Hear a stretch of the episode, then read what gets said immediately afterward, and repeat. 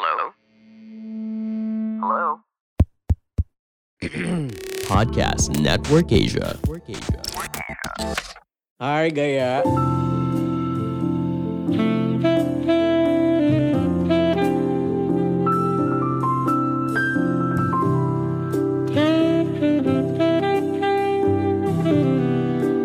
Hai, Hai. Apa kabar Gay? Baik. Ini langsung di record ya? Iya Langsung ngomong dong. lagi. Iya dong. Langsung aja kali. Ini deg-degan. Gimana Pak Ah. kabar? Dekan. Baik, baik. Lagi di mana by the way, Gay? Apa? Lagi di mana? Aku lagi di punya pacarku sih. Selalu ke sini deh. Di mana? Di Leiden. Aku lagi Oh iya ya, cafe Leiden. Leiden gitu. Eh, Leiden. Yang sepertinya saya mengetahui ya ada fakta apa di balik Leiden ini. di, mana tempat ya. tempat tempat ngopi sekalian pacaran kali ya? Waduh, benar dong. Kisah-kisah cinta terjadi di sini. Iya. iya, iya. Anyway, um, thank you guys udah disempetin datang gitu. Uh, anyway juga teman-teman. Jadi aku tuh selalu manggil pendengarku tuh teman-teman guys. Anyway, um, kenapa aku ngajakin Gayatri hari ini karena memang pertama-tama um, kita udah saling kenal sebelumnya di Yogyakarta. Terakhir kita ketemu mungkin di mana ya, guys? Di tempat malam itu kali ya. Terakhir. Di tempat anak-anak itu ya. Di, yang remang-remang itu enggak enggak ya. ya kalau nongkrongnya malam gitu. Nah, kenal lama Gayatri juga ya karena mungkin teman-temanku juga teman-temanku juga kali ya beberapa. Em, terus juga di satu sisi lainnya Gayatri ini sarjana apa, Gay? Psikologi ya? Iya, aku S1 psikologi. Oke. Nah, however kan di podcast sebelum tidur sendiri sebenarnya sering banget ngomongin tentang kesehatan mental secara Anabel alias analisis gembel dari seorang Ridwan Handoko gitu ya. Yang mana dia adalah sarjana Oke. manajemen ekonomi gitu. Nah terus by the way juga teman-teman Gayatri ini juga di Instagramnya sering banget ngomongin tentang kesehatan mental. Dan sebenarnya juga banyak banget sih topik yang em, kamu bawain ya Gaya. Bener ya. Eh. Pokoknya memang payung besarnya emang payung besar itu tentang uh, mental health lah gitu. Ya, ya. Semuanya tentang kesehatan mental. Dan sebenarnya sebuah relationship atau hubungan antara pasangan tuh juga mempengaruhi kesehatan mental kita juga gak sih? Ya pasti pasti itu kan Iya kan? hubungan dari dua orang ya. Mhm. Nah, terus sampai akhirnya mungkin kayak beberapa minggu yang lalu aku tuh em, ngelihat Gayatri juga sering banget ngomongin toxic relationship gitu. Gitu teman-teman. Sampai akhirnya aku bilang ke aku kemarin kepikiran em, yang belum pernah aku obrolin adalah aku mungkin pernah ngomongin toxic relationship, guys. Tapi yang mungkin juga belum pernah aku bahas di podcast sebelum tidur adalah kenapa sih orang tuh sulit buat cabut dari hubungan yang tidak sehat gitu. Dan ternyata faktanya adalah memang banyak sekali orang-orang di luar sana apalagi yang seusia kita ya anak-anak 20-an ini yang juga mengalami toxic relationship. Aku cerita sedikit ya guys. Jadi ketika aku kemarin lagi sempat sering ngebahas bahas toxic toxic relationship tuh, aku tuh dapat beberapa cerita dari beberapa em, pendengar dari PST. Dan toksiknya tuh menurutku udah kebangetan. Pertama ada yang sampai sering dipukulin. Satu, ada yang ini kebanyakan perempuan sih ya. Nah kan aku nggak bisa bicara dari POV perempuan gitu. Em, dipukulin, terus kadang dibilang gak becus, terus kadang ada yang sempet cowoknya tuh kayak em, kalau misalnya butuh duit bahkan untuk untuk makan atau apalah gitu katakan nyarinya ke ceweknya tapi sekalinya ceweknya nggak bisa ngasih terus ceweknya dimarah-marahin kayak gitu. Um, however kan itu juga termasuk hubungan yang tidak sehat. Nah that's why mungkin aku pengen ngajakin Gayatri juga teman-teman um, supaya mungkin dia bisa bicara dari sisi perempuannya. Nah sebelumnya aku pengen tanya dulu Gay, Um, kamu sendiri pernah gak sih Gay dulu atau kapan gitu ngalamin yang namanya toxic relationship maybe? Oke, em, sebenarnya pernah sih. Mhm. Uh, tapi balik lagi ya. Em, karena kan kita dari tadi ngomongin tentang toxic relationship gitu. Terus contoh-contohnya kenapa sih orang akhirnya memutuskan untuk aduh aku tuh udah sayang banget sama pasangan aku, aku udah kenal sama keluarganya, dia udah banyak banget support aku gitu. Yang akhirnya malah menjadi excuse si pasangannya bisa melakukan tindakan abusive ke si korban ini gitu. Mm-mm. Balik lagi sebenarnya aku pengen ngajak teman-teman untuk lebih paham dulu tentang uh, konsep toxic relationship itu sendiri gitu. Oke. Karena takutnya nih Ridwan, karena banyak banget di luar sana itu semacam mengkambing hitamkan si toxic relationship. Sebenarnya Oke. itu mungkin uh, jadi apa-apa kayak wah ini mah pacar gue yang toxic, ah ini gue terjebak nih di hubungan yang toxic gitu. Tapi Mhm, mhm. tanpa mereka sadarin emang hubungan toxic itu yang seperti apa sih gitu. Iya. Nah hubungan toxic itu kan apa ya di mana eh, di dalamnya itu ada kekerasan fisik maupun emosional gitu Oke. yang terjadi sebenarnya itu baik sengaja maupun nggak sengaja dari satu pihak maupun kedua-duanya gitu. Nah Mhm. ini yang jadi highlightnya adalah mungkin sebenarnya orang tuh berpikir ah pacar gue yang toxic gitu tanpa melihat apa sih kontribusi dia ini di dalam satu hubungan itu gitu. Mhm. Jadi kalau misalnya kita mau tahu, aduh ini hubungan gue toksik atau enggak sih gitu. Sebenarnya ada beberapa sinyal yang bisa kalian tangkap gitu. Salah Mhm. satunya misalnya kita ketika bersama si orang ini, ketika bersama si pasangan kita ini, apakah kita itu akan jauh lebih baik atau enggak? Kita Oke. itu lebih bersemangat atau malah kita merasa dirugikan. Oke. Terus bisa juga Sebentar, kita sebentar. melihat Aku aku sambil potong-potong sedikit nggak apa-apa ya, guys. Ah, ya, Maksudnya boleh, cuma boleh, untuk boleh. memperjelas aja. Em, merasa dirugikan, merasa dirugikan Yes. kan em, luas ya. Secara mungkin dirugikan tuh nggak cuma secara finansial juga, mungkin mental juga termasuk dong. Ya benar benar benar. Oke, oke, oke, oke. Boleh, lanjut guys. Oke, wait, ini agak berisik suara mesin kopi, bentar ya. Gak apa, gak apa. Oke, atau mungkin mic mic-mu agak dideketin ke bibir aja biar lebih apa namanya suaranya biar lebih clearly. Coba kayak gitu deh, coba ngomong. Oke, jelas nggak? Kurangin dikit, kurangin dikit, jauhin dikit. Oke, aman? Ah, segini aja aman. Aman Oke, kok, suara oke. kopinya nggak gitu kan? Oke.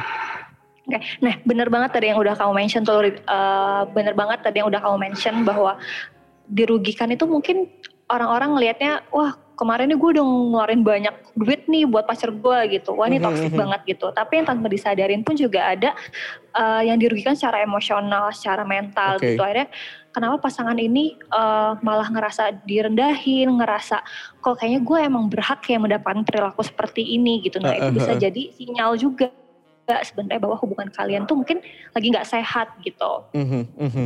Oke. Hmm. And then, what else? Ada lagi, guys? Halo gimana? Ada lagi kah mungkin yang pengen kamu sampaikan? Apakah? Eh, sama ini juga sih eh, buat tahu ciri-cirinya kali ya. eh, Ya, gimana nah. sih hubungan ini tuh bisa dilihat adalah hubungan toksik. Yang pertama itu eh, adanya rasa ketidakamanan dan rasa ketidaknyamanan di dalam hubungan Mhm, itu mhm, gitu. Iya, ada yang iya. keegoisan, mm, gitu kan. Terus adanya ketidakjujuran. Ke- Ketidakjujuran itu kan kayak domino efek ya. Nanti akan jadi seperti apa, seperti apa gitu. Perilaku yang ditunjukkan gitu. Terus juga ada sikap merendahkan dan memberikan uh, komentar negatif gitu. Mungkin nih, uh, aku juga sering nih mendapatkan banyak cerita dari teman-teman aku yang kayak uh, pacar aku tuh sering banget loh guys uh, ngomong kasar ke aku yang akhirnya dengan Oke. alasan ya uh, ya aku tuh kalau nggak ngomong kayak gini kamu tuh nggak akan bisa bangkit aku tuh sayang sama kamu makanya aku istilahnya kayak ngata-ngatain kamu lah gitu terus aku paling tidak uh, tidak setuju di situ karena balik lagi sebenarnya kalau emang tujuan dia itu pengen merubah kamu menjadi lebih baik itu tidak akan membuat uh, percakapan atau komunikasi yang merendahkan kamu gitu Oke. mungkin aja sebenarnya uh, komunikasi kalian tuh belum dapat klopnya gitu dan Mhm, mhm. eh, lihat lagi kalau emang emang tujuannya buat membangun ya caranya juga harusnya membangun jangan malah merendahkan gitu Oke oke. Em, ya nah, nah karena pada akhirnya yang kayak terjadi di lapangan tuh banyak orang tuh yang tidak merasa kalau apakah mungkin memang sudah seharusnya begini caranya berhubungan ya ketika kita dimarahin sama pacar kita atau mungkin diperlakukan dengan tidak baik. Apa mungkin memang pacaran tuh semestinya begini gitu. Em, sebelum kita lanjut lagi ke em, kenapa sih orang tuh susah buat cabut dari toxic relationship? Sebenarnya ada satu pertanyaan lagi guys yang kayak em, selama ini tuh aku berpikir tuh sebenarnya apakah hubungan yang salah atau memang orangnya udah toxic. Let's say A pacaran sama si B, si A ini sebagai cowok, si B ini sebagai perempuan ya. Si A ini tindakannya selalu abu- abusive gitu, selalu memperlakukan pasangannya em, dengan tidak baik, kekerasan atau mungkin em, perkataan yang tidak mengenakan gitu apakah mungkin ini emang si A ini kalau pacaran sama siapa aja akan tetap melakukan hal yang sama? Atau bisa aja ketika nanti, atau bisa aja mungkin karena nggak cocok, terus nanti kalau misalnya dia ketemu orang lain gitu ya, cewek lain, dia bisa jadi orang yang baik. Nah ini kan aku nggak tahu nih guys, secara psikologi apakah emang orangnya yang toksik atau memang dia nggak ketemu orang yang tepat aja gitu. Pernah ada contoh case kayak gitu nggak? Maksudnya kayak ketika dia pacaran sama siapa, Mhm. kita dia jadi jadi berubah gitu. Mm-mm. Ini kita bicara Oke, nah. Anabel, Anabel lagi ya, analisis gembel lagi. Karena memang sebenarnya kita kan akhirnya belajar dari pengalaman-pengalaman teman-teman atau diri kita Benar, sendiri benar. kan Iya. sebenarnya. Nah sebenarnya kalau ditanya orang yang toksik atau hubungannya sih yang toksik gitu. Ah. Nah yang aku pengen ajak teman-teman untuk memahami lagi adalah hubungan itu kan terbentuk dari dua individu yang berbeda gitu Yes. dan dan hubungan itu itu adalah kontribusi dari keduanya gitu. Jadi kalau misalnya mau dibilang ini hubungannya udah toksik, oke, berarti kita tarik mundur, kita lihat secara personal. Karena kalau Mhm. kita ngelihat eh, alasan kok ini hubungan bisa toksik sih, oh ya udah kita ngelihat dulu nih dari sisi eh, si A dan si B-nya tuh seperti apa gitu. Mhm, mhm. Kalau misalnya kita lihat, wah ini eh, cowok ini eh, si- eh, kita bilangnya si cowok dan si cewek misalnya gitu ya. Eh no no no, kita lebih A ke B aja. Kalau cowok Ke A cewek ke nanti aja takutnya ya. lebih malah ini Iya. benar-benar. Iya, iya, iya. Kayak misalnya ke A dan si B gitu. Mhm, mhm. Yang perlu kita lihat sebenarnya toxic relationship kan ini uh, toxic relationship ini tuh nggak cuman ngomongin pelaku atau korban. Sebenarnya itu dua-duanya. Kenapa aku bilang dua-duanya? Karena dua-duanya ini tuh um, punya apa ya istilahnya kita ini punya ransel kita masing-masing. Oke. Di dalam ransel kita tuh ada banyak. Ada buku lah, ada macam-macam yang kita bawa dari zaman kita lahir dulu Oke. dan itu ke bawah sampai sekarang. Dan Mhm. itu juga uh, berpengaruh ke gimana hubungan interpersonal kita ke orang lain. Mhm. Nah, kalau kita lihat dari sisi korban, eh, mungkin aja si korban itu punya masalah. Benar. mungkin aja si korban Iya, iya, ini lanjut. punya masa lalu di mana oh eh, dia ini tidak punya apa ya?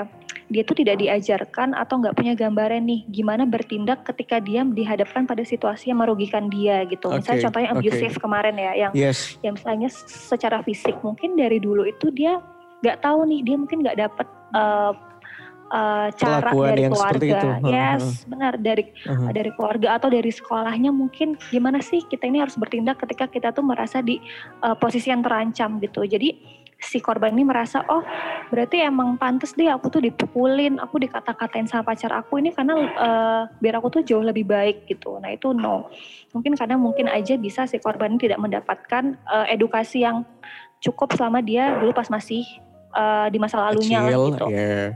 yes gitu Mhm. Nah, kalau dari kalau kita lihat dari sisi pelakunya, mungkin tuh juga se- sebenarnya pelaku tuh mungkin di masa lalu adalah saat- eh, seorang korban gitu loh.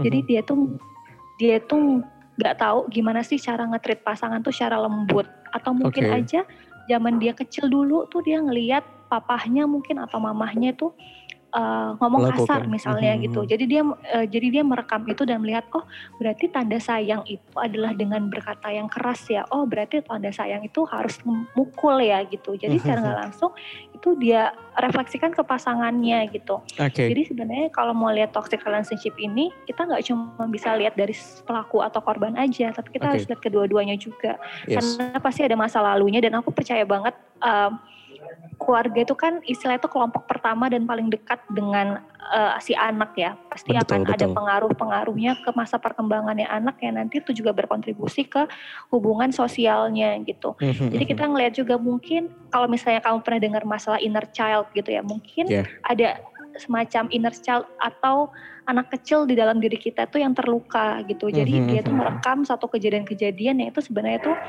eh, kurang tepat ketika nanti diaplikasikan di ya mungkin di karirnya atau di kerja eh, atau di hubungan asmaranya gitu-gitu.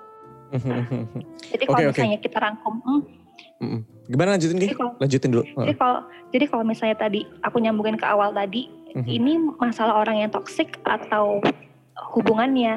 Kalau Yes. menurut aku tetap kita harus lihat secara personalnya dulu gitu. Oke, Karena itu pasti oke. akan berkontribusi ke hubungannya.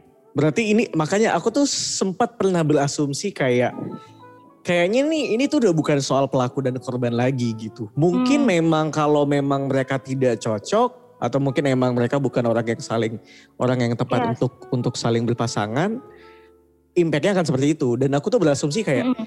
mungkin bisa aja kali ya kalau misalnya si A ini selalu melakukan hal yang abu- abusive misalnya, tapi ketika dia ketemu orang lain, C misalnya yang mengerti cara nge-treat A dengan baik Yes. untuk tidak melakukan hal yang ini kan bad habit ya. Bisa dibilang Mm-mm. abusive tuh bad habit lah. Kita sepakat itu Benar. bad habit. Mungkin ketika dia ketemu C yang mungkin bisa nge-treat A ini dengan baik, em, terus dia tahu bagaimana caranya. em, ya udah nih supaya bisa dia meninggalkan bad habitnya, mungkin kan akan jadi pasangan yang em, tidak toxic gitu. Nah berarti ini tuh udah bukan soal pelaku dan korban lagi ya. Oke, ini berarti kita bicara seputar eksternalnya dulu ya, karena kan dari Oke. tadi kita bahas tentang internalnya juga. ya Yes, mungkin yes, aja yes. uh, kita balik lagi di hubungan kan ada dua orang yang membentuk uh, komunikasi kan. Mungkin Mhm. aja sebenarnya memang kayak kayak misalnya si uh, kita ambil contoh si A B C gitu ya. Ya. Si A pacaran sama si B ternyata abusive karena dia Oke, ngerasa kok aku nggak oke. ngertiin sama pasangan aku gini-gini bla bla. Akhirnya Uh-huh. mereka mem- uh, memutuskan untuk berpisah dan si A pacaran sama si C ternyata perilaku abusive itu nggak ada.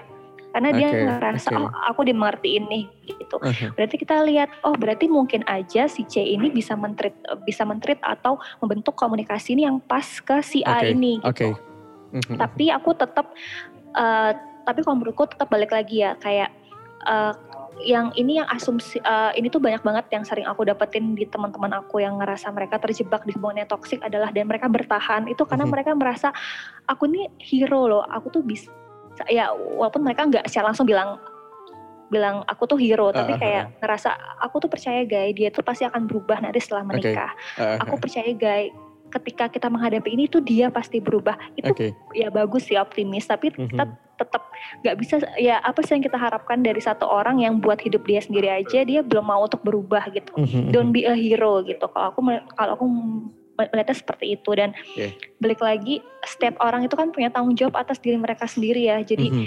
Eh, mungkin ini pikiran-pikiran yang masih sangat menghantui teman-teman yang kayak Mhm. aduh aku tuh udah ngerasa ini pasti kalau abis nikah ini pasti berubah nyatanya banyak toh Hmm. kasus-kasus tentang KDRT itu sebenarnya Mhm. bermulai dari hubungan pacaran yang mungkin kayak kayak ngerasa eh nikah nih pasti berubah deh gitu Eh, padahal sih juga ya enggak juga gitu Iya. kan Iya, ya iya, di iya. cerita-cerita Cinderella juga sih Iya sih, banyak sih kejadian teman-teman yang em, nikah muda tuh cuma berlandaskan kayak seru kali ya kita nikah, terus kita bisa belanja ke minimarket bareng, masak-masakan di rumah berdua.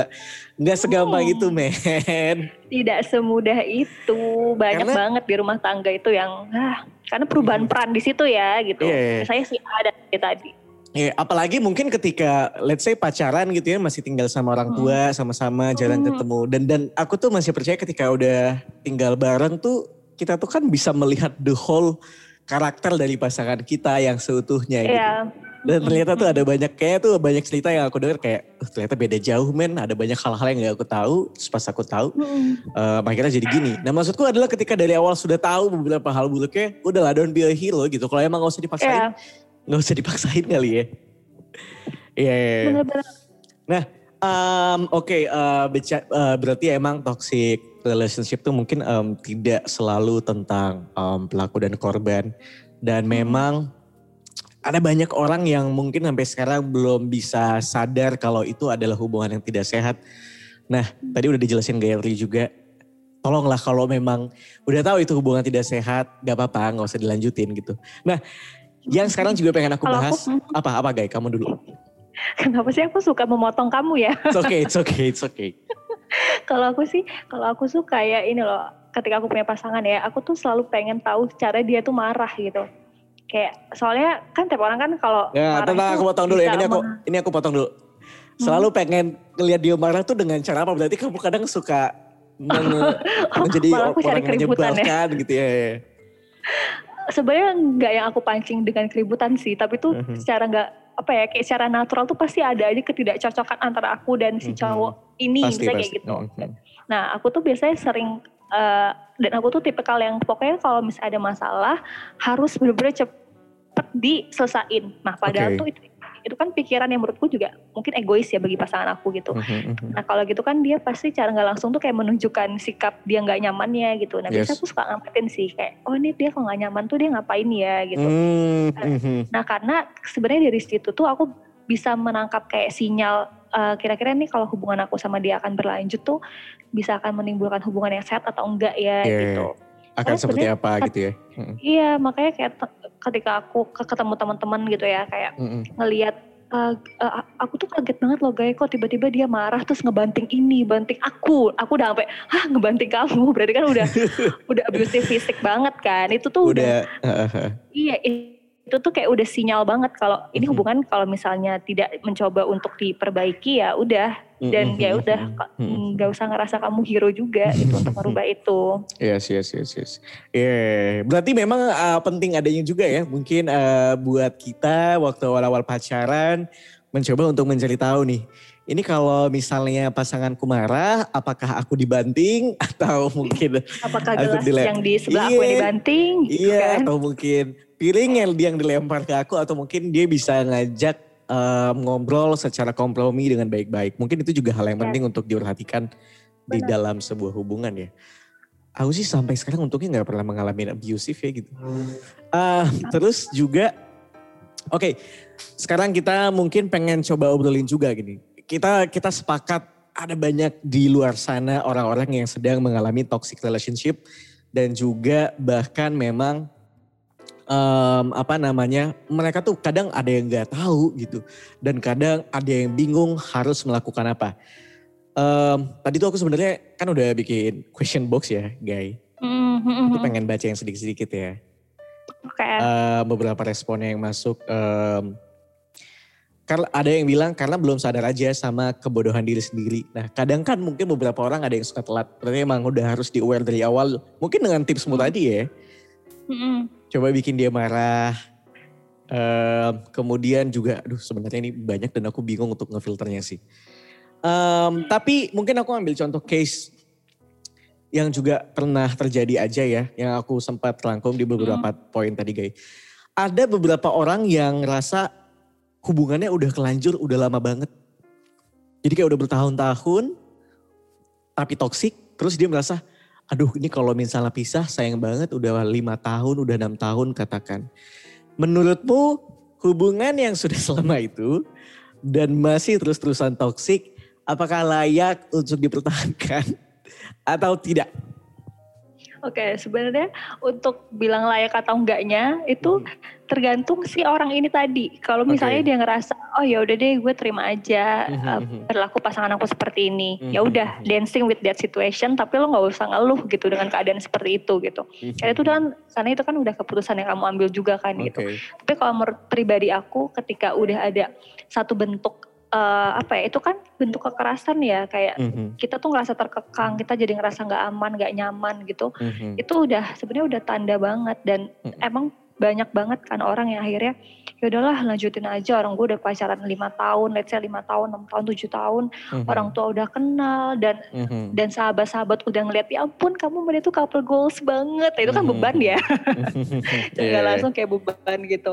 Kalau kalau aku sih mencoba untuk uh, berpikir bahwa uh, waktu yang kita jalanin sekarang misalnya ya kayak let's say lima tahun lagi tuh itu tuh bisa aja sebenarnya ketika kita korbankan itu punya output yang lebih baik lagi gitu loh. Ah. Jadi kayak ngerasa kayak ya it's okay aku mungkin lima tahun ini aku dikasih pelajaran tapi Oke. aku aku harus bisa apa nih kayak what next yang bisa aku lakuin Mhm. tuh apa gitu Mhm, aku mhm. ngerasa aku tuh cukup berharga aku tuh nggak Mhm. mau lah aku sama pasanganku diginin terus gitu aku Mhm. aku pun juga pengen punya kehidupanku yang seneng gitu ya udahlah Mhm. aku berani untuk ambil keputusan karena itu mungkin itu ya yang yang bikin orang-orang takut tuh kayak aduh ntar aku takut sendiri. Aku takut besok ada orang yang bisa nerima aku nggak ya? Gitu. Mhm, mhm. kayak gitu. Dan kayak ya kalau aku mencoba berpikir kayak gitu sih yang yang lima tahun atau bertahun-tahun kalian pacaran gitu berhubungan kalau emang udah nggak cocok menurut aku itu jauh lebih baik untuk dikorbankan dibandingin harus nanti eh, ke depannya malah kita kan juga nggak tahu kan ke depannya seperti apa gitu kita harus mikirin worst Oke. case-nya juga sih Ya ya ya benar-benar. Oke oke oke aku dapat. Em, terus ini aku bicara wo- worst case-nya lagi juga, guys. Em, ya aku bisa bilang ini ironi sebenarnya, tapi ternyata nyata adanya gitu. Apalagi kemarin ada yang pernah sempat cerita ke aku juga soal ini di di podcast juga dia anak SMA, eh bukan anak SMA, dia udah kuliah. Cuma dia pernah mengalami hubungan yang tidak sehat waktu di SMA dan menjelang kuliah awal. Em, ironinya adalah ternyata mungkin nggak cuma dia, aku yakin di luar sana juga banyak mengalami hal yang sama. Um, gak bisa dipungkiri di luar sana ada banyak muda yang pernah uh, making love sama pasangannya ya. Um, dan kita bicara stigma di Indonesia bahkan sampai sekarang kan ketika ada wanita ya yang sudah pernah making love and then let's say dia udah gak virgin lagi dan dia tuh ternyata ada yang merasa kayak ada nggak yang masih menerima aku ntar gitu. Um, Guy, kamu berani atau kamu berani nggak untuk memberikan saran kepada mereka yang mungkin Aduh. mengalami hal ini? Karena kalau aku... Sumpah, ini ini pertanyaan tricky banget sih Ridwan, aku takut ah menjawabnya. That's why aku bilang dulu, Mana kamu ya? berani atau tidak gitu bicara ini. Kalau aku aku dulu ya. Atau tidak. Iya, hmm. makanya aku aku berani jawab dulu. Aku berani jawab dulu. Hmm. Kita nggak bisa pungkiri, guys. Realitanya di luar sana hmm. ada banyak banget anak muda. Kalau kalau aku sih belum ya. kalau aku belum. Yeah. Ada anak okay. muda yang pernah melakukan making love di luar sana and then mereka merasa terutama yang wanita ya. Um, aduh aku udah nggak um, virgin lagi. Emang masih ada yang menerima aku. Mereka punya pemikiran yang seperti itu gitu. Um, orang yang cerita ke aku ini dia sih udah di tahap udah berdamai. Dalam artian dia udah, tapi sekarang aku udah gak apa-apa karena dua anakku udah baik-baik aja gitu. Um, syukurlah aku bilang kalau kamu udah baik-baik aja. Terus aku cuma bisa bilang kayak, um, apa pun yang terjadi di masa lalu kita gak bisa pungkiri setiap orang mungkin pernah mengalami momen uh, buruknya, momen jeleknya lah pokoknya bad momennya gitu. Dan ketika kamu bilang, um, ada gak yang mau menerima aku gitu aku tuh cuma bisa bilang kayak gini tau gak? Lagi dan lagi adalah analisis gembel seorang Ridwan. Aku cuma bisa bilang gini, um, percayalah kalau memang kamu mungkin punya niat baik, suka sama orang dan punya niat baik, dan let's say orang itu juga punya sama tertariknya dengan kamu dan dia orang yang baik juga, yang pantas buat kamu, percayalah bisa kok dia nerima segala hal yang mungkin pernah terjadi di masa lalu kita. Dan mungkin menurutku gak cuma kamu yang pernah punya mengalami masa lalu yang buruk gitu. Di luar sana mungkin pasangan kamu juga pernah punya pengalaman yang buruk. Terus aku bilang kayak, so um, efek itu tuh tidak, mem, jangan sampai ngebuat kamu menjadi orang yang bisa dibilang kan ketika dia merasa seperti itu kan dia merasa hidupnya gloomy dong pasti. Jangan membuat itu menjadi uh, membuat kamu menjadi orang yang gloomy aku bilang. Gak apa-apa lah, live your life. Kita masih muda juga.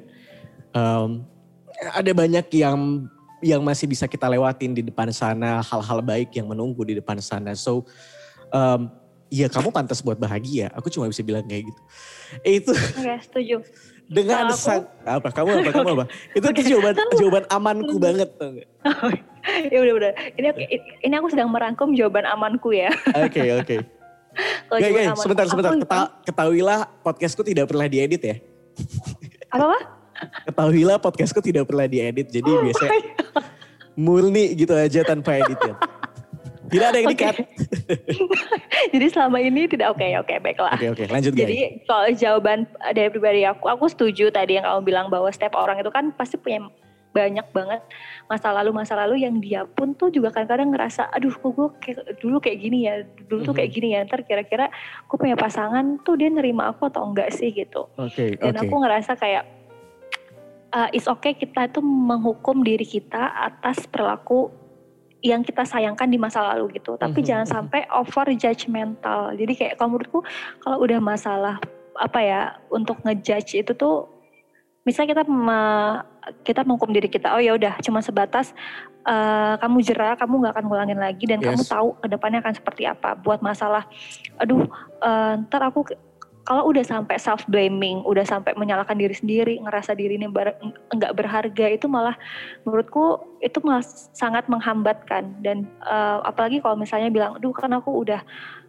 making love kemarin gitu." Aku mm -hmm. takutnya uh, pasti aku ngerasa dipandang sebelah mata nih sama orang-orang gitu. Kan menurutku kita ini manusia yang punya sisi uh, buruknya dan juga sisi baiknya gitu loh.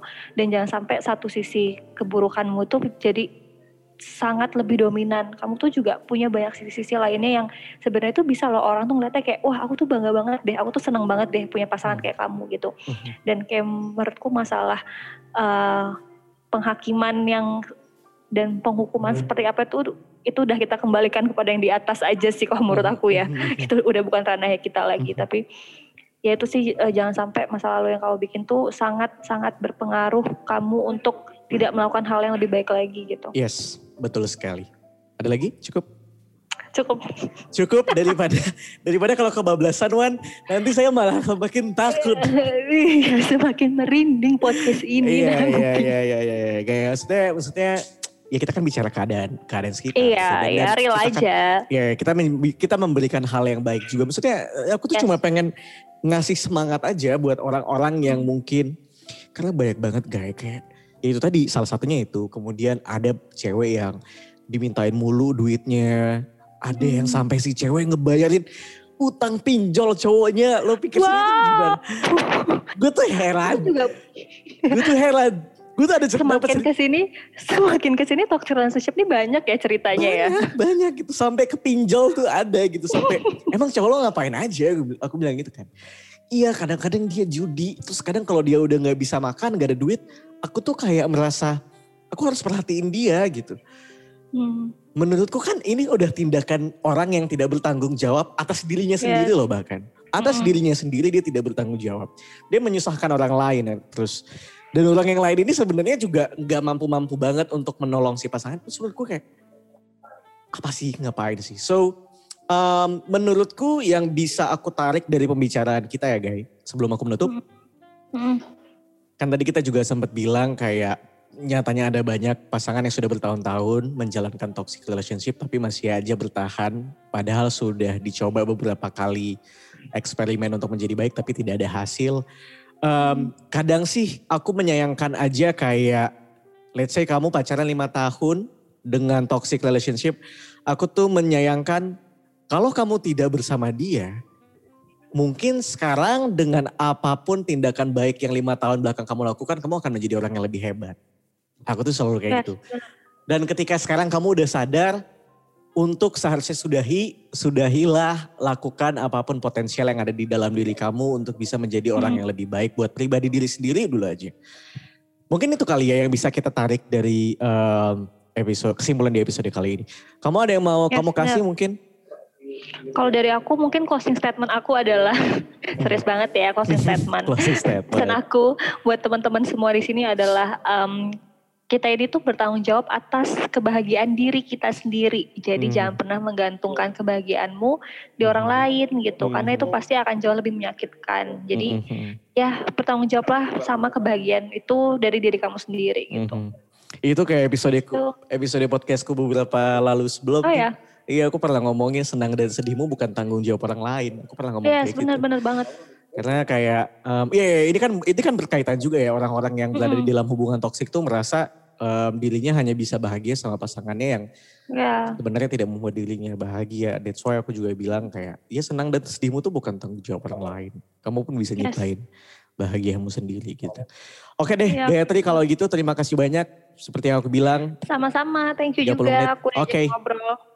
ya sehat-sehat selalu ya guys. Bye. Um, looking forward buat another collaboration kalau mungkin ada topik-topik yang bisa aku bicarakan sama kamu seperti temenan sama mantan mungkin.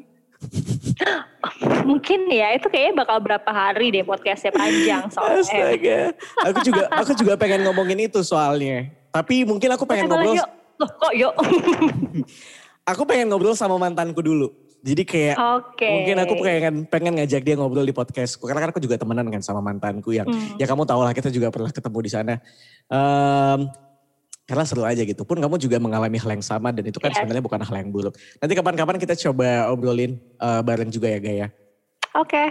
Kalau gitu em, terima kasih Gayatri, terima kasih juga teman-teman yang sudah mendengarkan. Sampai jumpa di episode selanjutnya. Bye-bye. Pandangan dan opini yang disampaikan oleh kreator podcast, host, dan tamu tidak mencerminkan kebijakan resmi dan bagian dari podcast Network Asia.